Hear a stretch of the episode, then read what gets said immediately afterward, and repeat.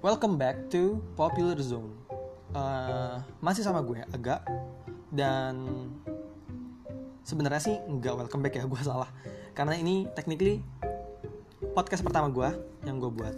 Dan di podcast pertama gue ini gue bakal mencoba untuk membicarakan mendiskusikan tentang salah satu film yang mungkin udah lo lihat dari cover podcast gue iya film New Mutants. Salah satu film yang menurut gue ini kayaknya di filmnya dikutuk deh. Kayaknya satu universe tuh pada nggak suka sama film ini sampai-sampai dia di delay empat kali kayaknya deh kalau nggak salah. Dari da dari daun dari tahun 2017 sampai 2020 ini. Dan finally hopefully bakal dirilis di bulan Agustus 2020 hmm, yang anehnya anehnya nih lucunya uh, film ini nih dirilis di bukan di streaming service kayak Netflix atau Hulu atau mungkin Disney Plus ya. Kan Disney udah punya streaming service sendiri gitu ya platformnya sendiri. Dan mereka nggak rilis di situ ataupun di VOD video on demand gitu. Tapi mereka memilih untuk ngerilis film ini di bioskop. Di tengah-tengah pandemi. Ini aneh banget sih. Maksudnya gue nggak tahu ya. Ini strateginya mereka nih biar orang-orang uh, nonton atau gimana gue nggak ngerti ya. Karena kalau dipikir-pikir sih ya kenapa mereka naruh di bioskop? Mungkin ini hasil kesok tahuan gue sih sebenarnya. Mungkin karena film-film blockbuster kayak Mulan, Tenet, terus film-film lainnya nih yang notabene bakal orang-orang nonton uh, itu di delay semua, dimundurin karena pandemi gitu kan, bakal bakal mundur. Jadi saingan si New Mutants di bulan Agustus pas uh, bulan-bulan bioskop itu udah mulai buka lagi udah mulai mulai buka secara perlahan itu gak ada lawan jadi New Mutants gitu. Nah sekarang pertanyaan adalah kenapa gue buat podcast tentang New Mutants jadi kenapa gue buat lah kenapa gue buat podcast ini adalah karena kemarin berapa hari lalu uh, kan minggu-minggu ini gue nggak tahu ya masih lanjut atau enggak di minggu ini nih lagi ada Comic Con at Home jadi di beberapa hari lalu Comic Con at Home ini mereka ada panel khusus buat New Mutants. Nah panelnya ini mereka tuh ngundang direkturnya, sutradaranya, yaitu si Josh Boone. Abis itu sama 6 main karakternya uh, buat di kayak interview gitulah buat ngomongin New Mutants gitu kan. Bahkan di panelnya sendiri tuh awal-awal pembukaan panelnya gue nonton, gue sempet nonton kan panelnya tuh.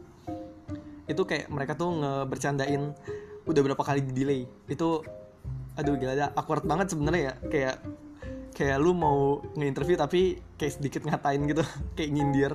Gila sih satir banget. Nah uh, di panel ini mereka ngerilis dua video.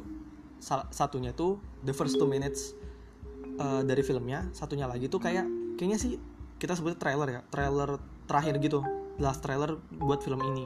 Dan mereka berdua nih videonya pas gue tonton um, apa ya? Gue awalnya mikir ah ya udahlah ya kayaknya ini sebenarnya lama-lama gue jadi hopeless gitu loh kayak ini film terserah mau dikuat atau enggak ya. Tapi pas gue nonton nih kayak anjir menarik ya ini film-filmnya gitu. Film film-filmnya video-videonya ini menarik gitu loh. Kayak um, gue mikirnya sih ya gue mikirnya ekspektasi gue nggak tinggi banget tapi uh, eh, gue mikirnya tuh ini film nggak bakal jadi film yang bagus banget masterpiece gitu nggak nggak bakal tapi nggak bakal jelek banget juga. Jadi gue mikirnya tuh kayak ini film ya bakal biasa-biasa aja tapi masih apa ya fun to watch gitu loh masih watchable lah bahasanya gitu. Karena dengan fighting scene dan lain sebagainya gitu emang film yang gak watchable kayak gimana sih? Kalau nanya gitu uh, karena ini perbandingan superhero jadi gue ngebandingin sama superhero juga ya. Film yang gak watchable itu menurut gue Fantastic Four yang di reboot tahun 2015 itu aneh sih mereka ngebuat film kayak gitu di tahun 2015 yang kayak referensi film-film superhero ada banyak tapi hasil akhirnya kayak gitu. Jadi kan apa ya uh, aneh aja gitu kan pokoknya itu nggak watchable banget lah. Nyesel banget gue nonton di bioskop anjir. Nah jadi itu kenapa gue memilih untuk membicarakan tentang film ini. Karena banyak yang bakal bukan bakal banyak yang bisa dibahas dari dua video ini. Jadi nanti gue bakal um, share my thoughts about this film tentang video-videonya yang dua video tadi.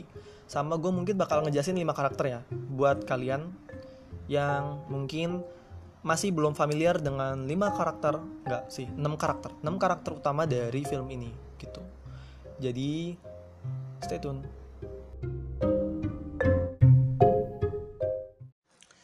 So, before I start to talk about this movie, uh, probably it'll be best if I give you some information first about this movie.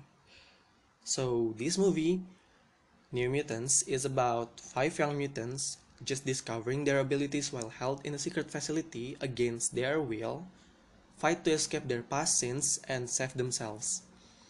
Nah, intinya sih, lima mutan ini mau kabur dari secret facility ini Nah, yang bikin menarik sebenarnya itu menurut gue salah satu yang bikin menarik film ini ya, itu line up dari uh, film ini, pemilihan karakter-karakter yang dimasukin ke dalam pemilihan mutan-mutan yang dimasukin ke dalam film ini gitu. Karena kalau kita pikir-pikir, kita tuh belum ngelihat uh, power-power mutant yang sebenarnya kalau misalnya pertama kali manifest tuh menyeramkan gitu. Maksudnya menyeramkan kayak gimana ya?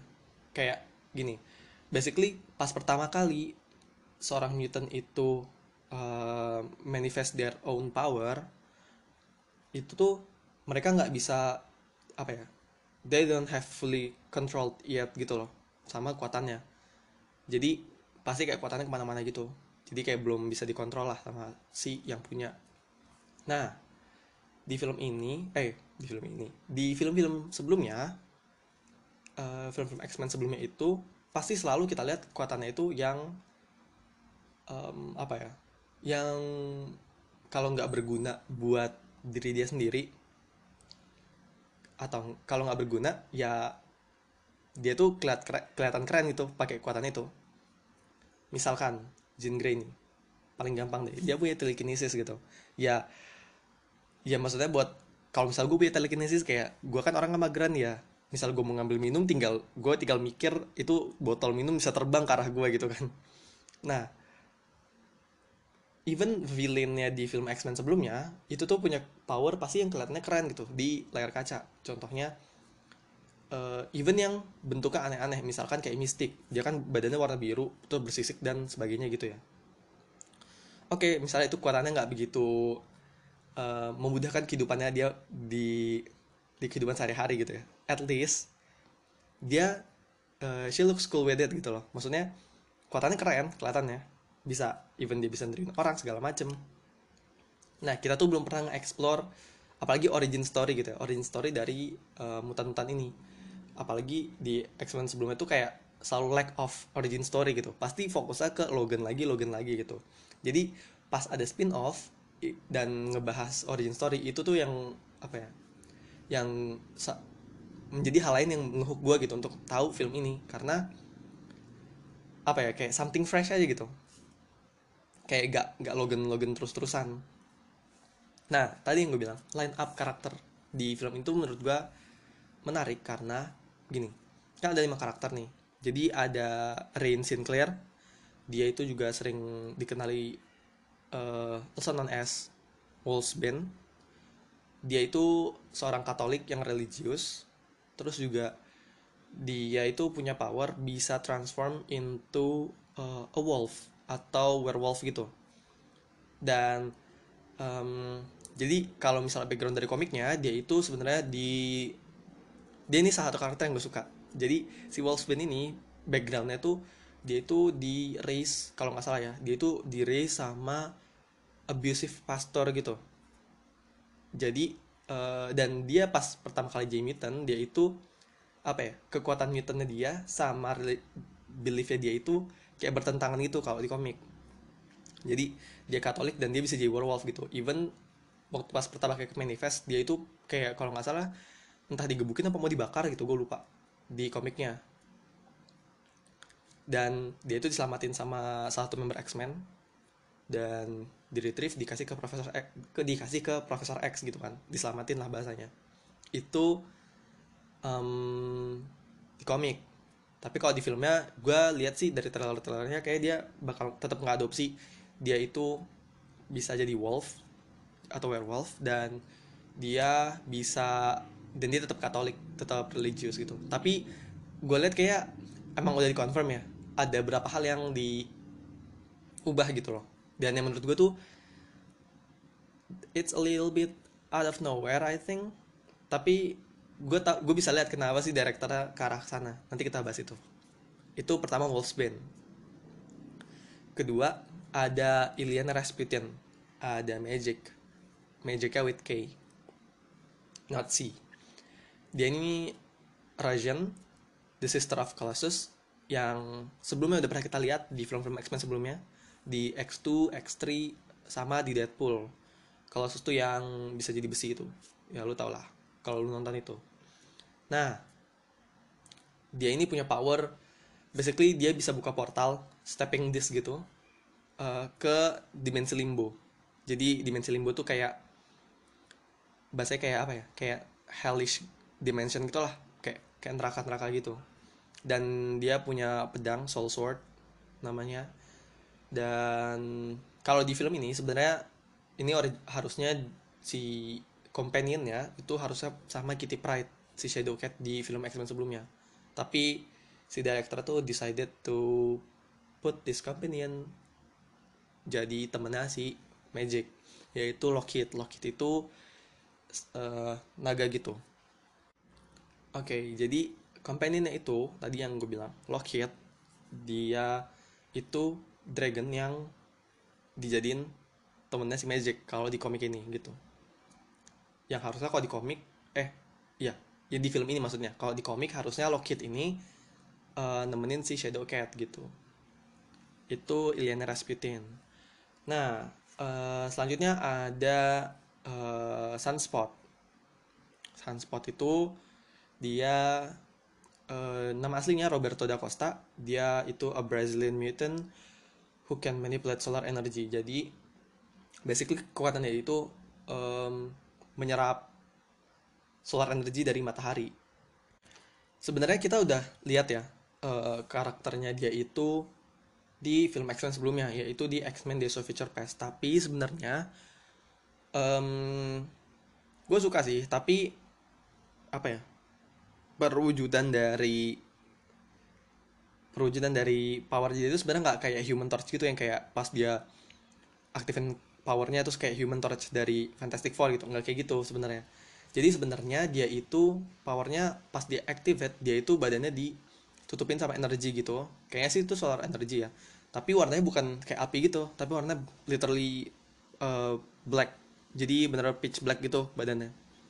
Kayak gitu sih. Itu um, power dia. Itu sunspot. Terus ada juga cannonball.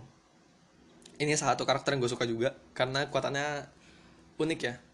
Jadi dia feelnya kayak original karakter aja gitu menurut gue dia namanya Sam Guthrie.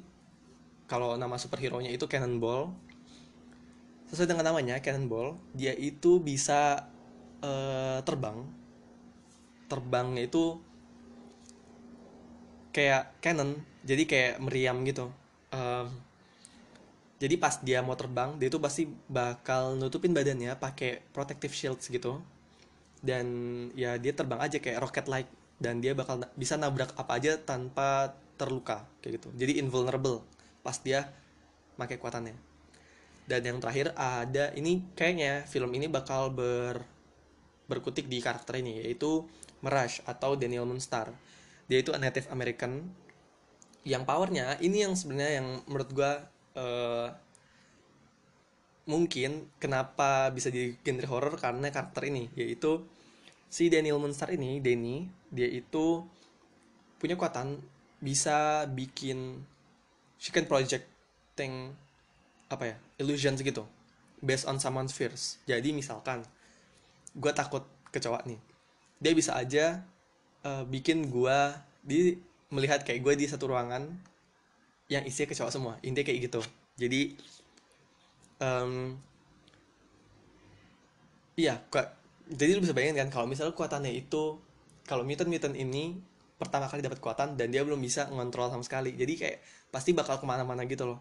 Kayak yang Sam Guthrie Cannonball bisa terbang ke mana-mana nabrak orang sana sini terus si Daniel Moonstar ya lu tau lah kayak bikin semua orang takut segala macem dan sebagainya gitu ya. Apalagi Wolves Band kayak tiba-tiba lu nggak tahu kenapa tiba-tiba jadi werewolf gitu ya jadi anjing kan jadi serigala gitu. Kan aneh gitu ya. Nah terus ada satu lagi sebenarnya. Ada dokter Cecilia Reyes dia ini yang ngejalanin secret facility-nya. Nah secret facility-nya ini eh eh secret facility ini. Si Cecilia Reyes ini itu sebuah sebuah seorang dokter medical doctor gitu. Dan dia yang bakal jadi kata sih bakal jadi mentor dari lima orang ini gitu. Mentor kayaknya dalam ini kali ya em, gimana mereka bisa ngontrol kekuatannya.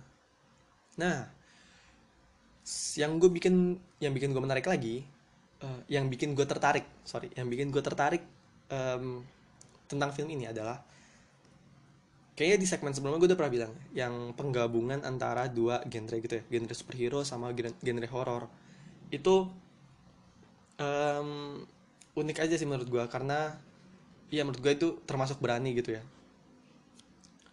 Dan dan yang kayak gue udah bilang sebelumnya eh, di segmen eh, pertama itu kalau film ini nih kan di delay 3 tahun ya dan kebetulan kita tuh belum pernah ngelihat apa ya kita tuh belum ke spoiler banyak lah bahasanya tentang film ini. Despite kalau runtime dari film ini itu cuma 90 berapa menit gitu ya. Jadi cuma satu setengah jam lah. Itu satu setengah jam udah sama credit scene. Credit scene ya paling 10 menitan 5 menit 10 menit gitu. Dan itu berarti cuma 80 menitan. Itu bentar banget sih buat film ya. Menurut gue tuh bener-bener bentar banget. Nah em, yang gue suka sih itu. Jadi dari trailer kita tuh belum banyak ngelihat apa ya trailer cuma ngasih ngeliat kalau ini film horror ini film horror. Jadi kayak banyak makanya gue bilang di teaser trailernya banyak orang teriak-teriakan doang. Terus kayak jadi kita benar-benar eh, masih kosong gitu kepalanya. Ini film tentang apa gitu kan. Kayak yang lo tau ya cuma itu lima orang mau kabur dari secret facility dan ini horror gitu. Dan paling ada action scene-nya itu yang eh, paling menonjol. Dan Demon Bear-nya jadi dia yang bakal jadi villain di film ini. Gitu. Nah sebenarnya kan runtime-nya itu sekitar 90 menitan doang ya. Berarti satu setengah jam. Nah ini yang sebenarnya gue agak serem.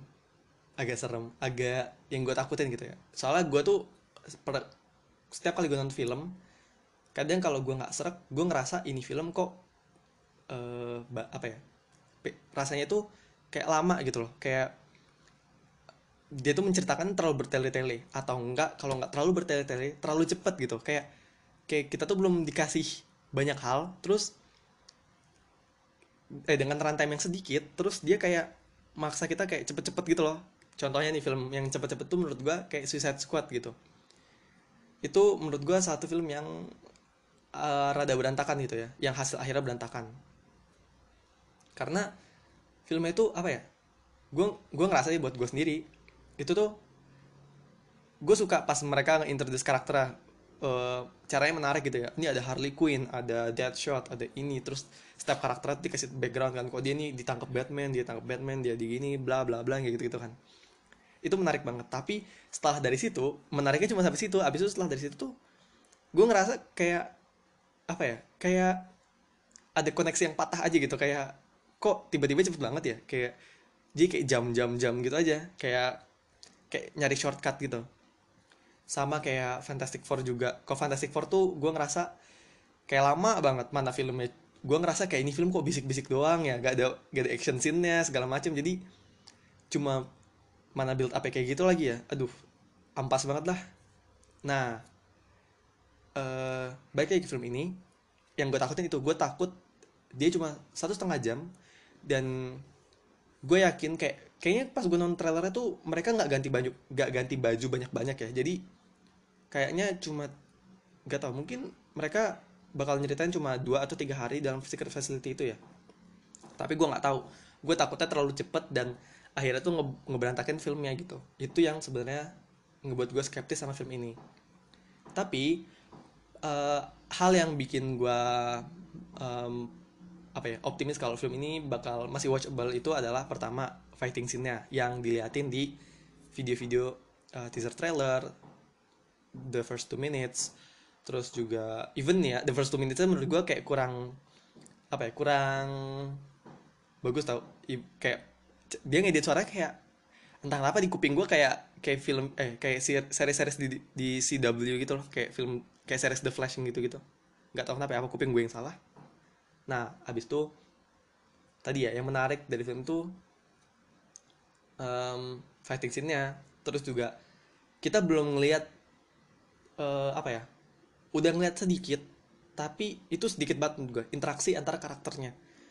Gue tuh belum kita udah sebenarnya udah lihat ya kalau lu nonton panelnya di Comic Con at home itu jadi mereka tuh setiap kali case yang ngomong dia tuh diselipin ada scene kayak sekitar cuma kurang dari 5 detik gitu yang ngeliatin kayak karakternya tuh cuma ngasih one liner one liner gitu. Nah pas di bagian Anya Taylor Joy yang meranin Ilyana itu dia ngasih footage si Ilyana itu berantem sama si Daniel Daniel Moonstar sama si Denny. Ya dan itu confrontationnya menurut gue itu yang sebenarnya gue cari juga gitu. Jadi yang gue cari dari film ini sebenarnya cuma dua. Nggak sih tiga sebenarnya. Pertama em, confrontation antara karakternya interaksinya karena yang katanya tuh Ilyana itu digambarin jadi orang yang slengean gitu lah bahasanya di filmnya. Terus kedua gue pengen lihat fighting scene ya dan sejauh apa comic accurate-nya.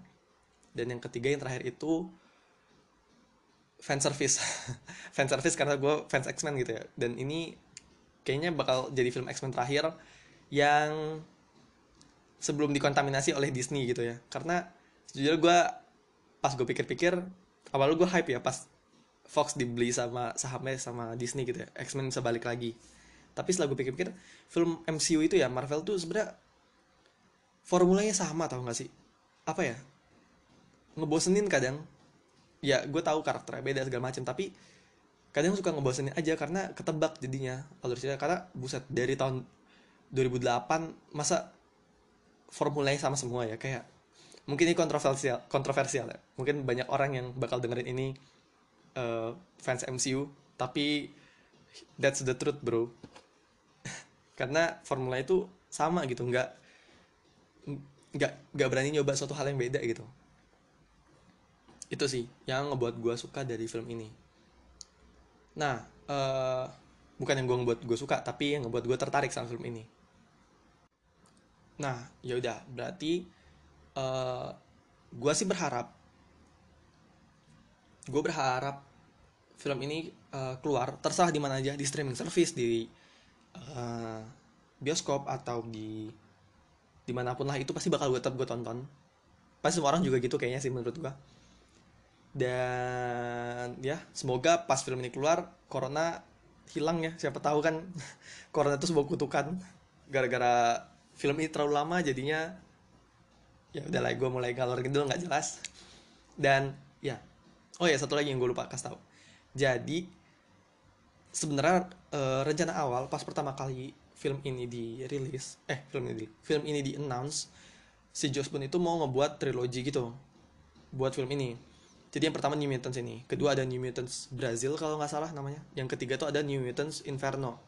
Jadi kalau yang kedua itu katanya bakal nyeritain si eh siapa sih namanya? Sunspot Sunspot. Dia bakal nyeritain Roberto da Costa Sunspot. Ketemu sama bapaknya. Bapaknya itu udah di cast malah. Udah di cast si Antonio Banderas. Si iya yang nyuarain Puss in Boots. Dan ya menurut gua dan di kalau nggak salah ya di film ini dia mau nge-cast Warlock. Warlock itu eh, kalau nggak salah dia alien gitu. Alien dan juga ada Magma. Si Magma apa Karma ya? Gue lupa. Pokoknya antara dua itulah dua karakter tuh. Jadi ada tiga karakter baru yang dimasukin ke ke film ini. Dan itu berarti kan artinya ngasih origin story yang lebih lagi ya ke Sunspot. Dan itu sayang banget kalau misalnya nggak dilaksanain. Terus film ketiga yang New Mutants New Mutants Inferno itu bakal katanya sih bakal nyeritain senternya ke Magic gitu. Kan ah, ini the first time live action Magic dan mereka nggak nggak ngelanjutin tuh apa ya sayang tuh gak sih cast cast ini? Menurut gue cast castnya ini menarik gitu ya. Gitulah dan gue ya gue berharap sih kalau film ini berhasil atau at least lah ya uh, banyak yang suka. Banyak yang suka bukan reviewer ya maksudnya kayak secara general banyak orang yang suka karena uh, fighting scene segala macam menurut gue sih uh, bakal bagus kalau misalkan Disney itu kan ini yang udah punya Disney ya. Disney ngelanjutin projectnya New Mutants tapi nggak part of MCU karena gue yakin dia nggak bakal cocok sama tone-nya MCU yang mana tone MCU itu lebih ke bercandaan. Iya dia bak lebih banyak bercandaan gitu. Emang ada seriusnya tapi tone-nya emang beda banget loh. Kayak yang satu horror yang satu uh, action dengan bumbu komedi gitu. Jadi kayak nggak cocok kayak nggak cocok aja gitu. Apalagi gue nggak bisa bayangin kalau misalkan karakter misalkan uh, Denny deh Daniel Moonstar. Daniel Moonstar itu kan um, berasal dari film New Mutants yang notabene horror. Dan kalau di komik dia tuh jadi Valkyrie. Valkyrie kayak si si yang diperanin sama Tessa Thompson. Jadi jadi warrior Valkyrie juga gitu. Di di Thor di series Thor dan aneh nggak sih kalau misalkan kayak Thor yang kayak Thor Ragnarok yang di direct sama Taika Waititi itu fully banyak bercandaan bener-bener komedi banget. Terus tiba-tiba ada satu orang dari film horror masuk ke situ. Jadi kayak pasti menyesuaikannya bakal susah lagi gitu kan. Jadi kalau menurut gua solusi dari gua sendiri adalah kalau film ini bagus atau at least banyak yang suka nggak apa-apa dia dibuat sama Disney Plus jadi jadi kayak WandaVision terus Falcon and the Winter Winter Winter Soldier dan sebagainya. Jadi kayak becoming a content universe buat uh, mereka sendiri. Jadi jadi film Disney Plus aja nggak apa-apa. Di film Disney Plus terus ya udah dia buat trilogi buat film itu. Kalau film ini berhasil. Itu sih yang menurut gue uh, cocok ya buat buat dilakukan. Apalagi kayak menurut gue mereka gak bakal ngeluarin film X-Men sampai berapa tahun ke depan sih. Mungkin setahun atau dua tahun ke depan gitu ya baru bakal ada film X-Men lagi. Jadi menurut gue bagusnya kalau ini dijadiin universe sendiri kan kebetulan emang di Marvel mau nge-introduce multiverse kan. Jadi mungkin somehow di Doctor Strange uh, yang Madness of Multiverse itu in the Madness of Multiverse itu bisa ngemasukin si Magic karakternya ke Doctor Strange lewat multiverse dan sebagainya gitu ya. Itu menurut gue bakal um, bakal apa bahasanya? Menarik sih. Bakal ya yang kedua bilang menarik. Gue nggak tahu. Gue nggak punya kalimat yang cocok untuk mendeskripsikan. Ya mungkin itu aja sih ya yang bisa gue omongin kali ini. Um, jadi so that's the end of this podcast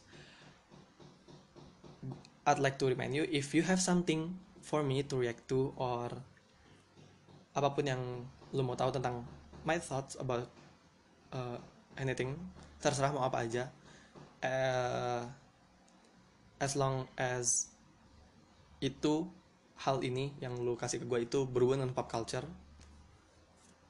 it's okay. Dan mungkin abis ini gue bakal bikin episode nge-review kali ya nge-review gue lagi baca novel The Rise of Kyoshi dan gue bakal coba nge-review sih. Itu novel asik banget. Mungkin itu ya. Atau mungkin di tengah jalan gue bakal berubah pikiran episode selanjutnya. Ya that's it.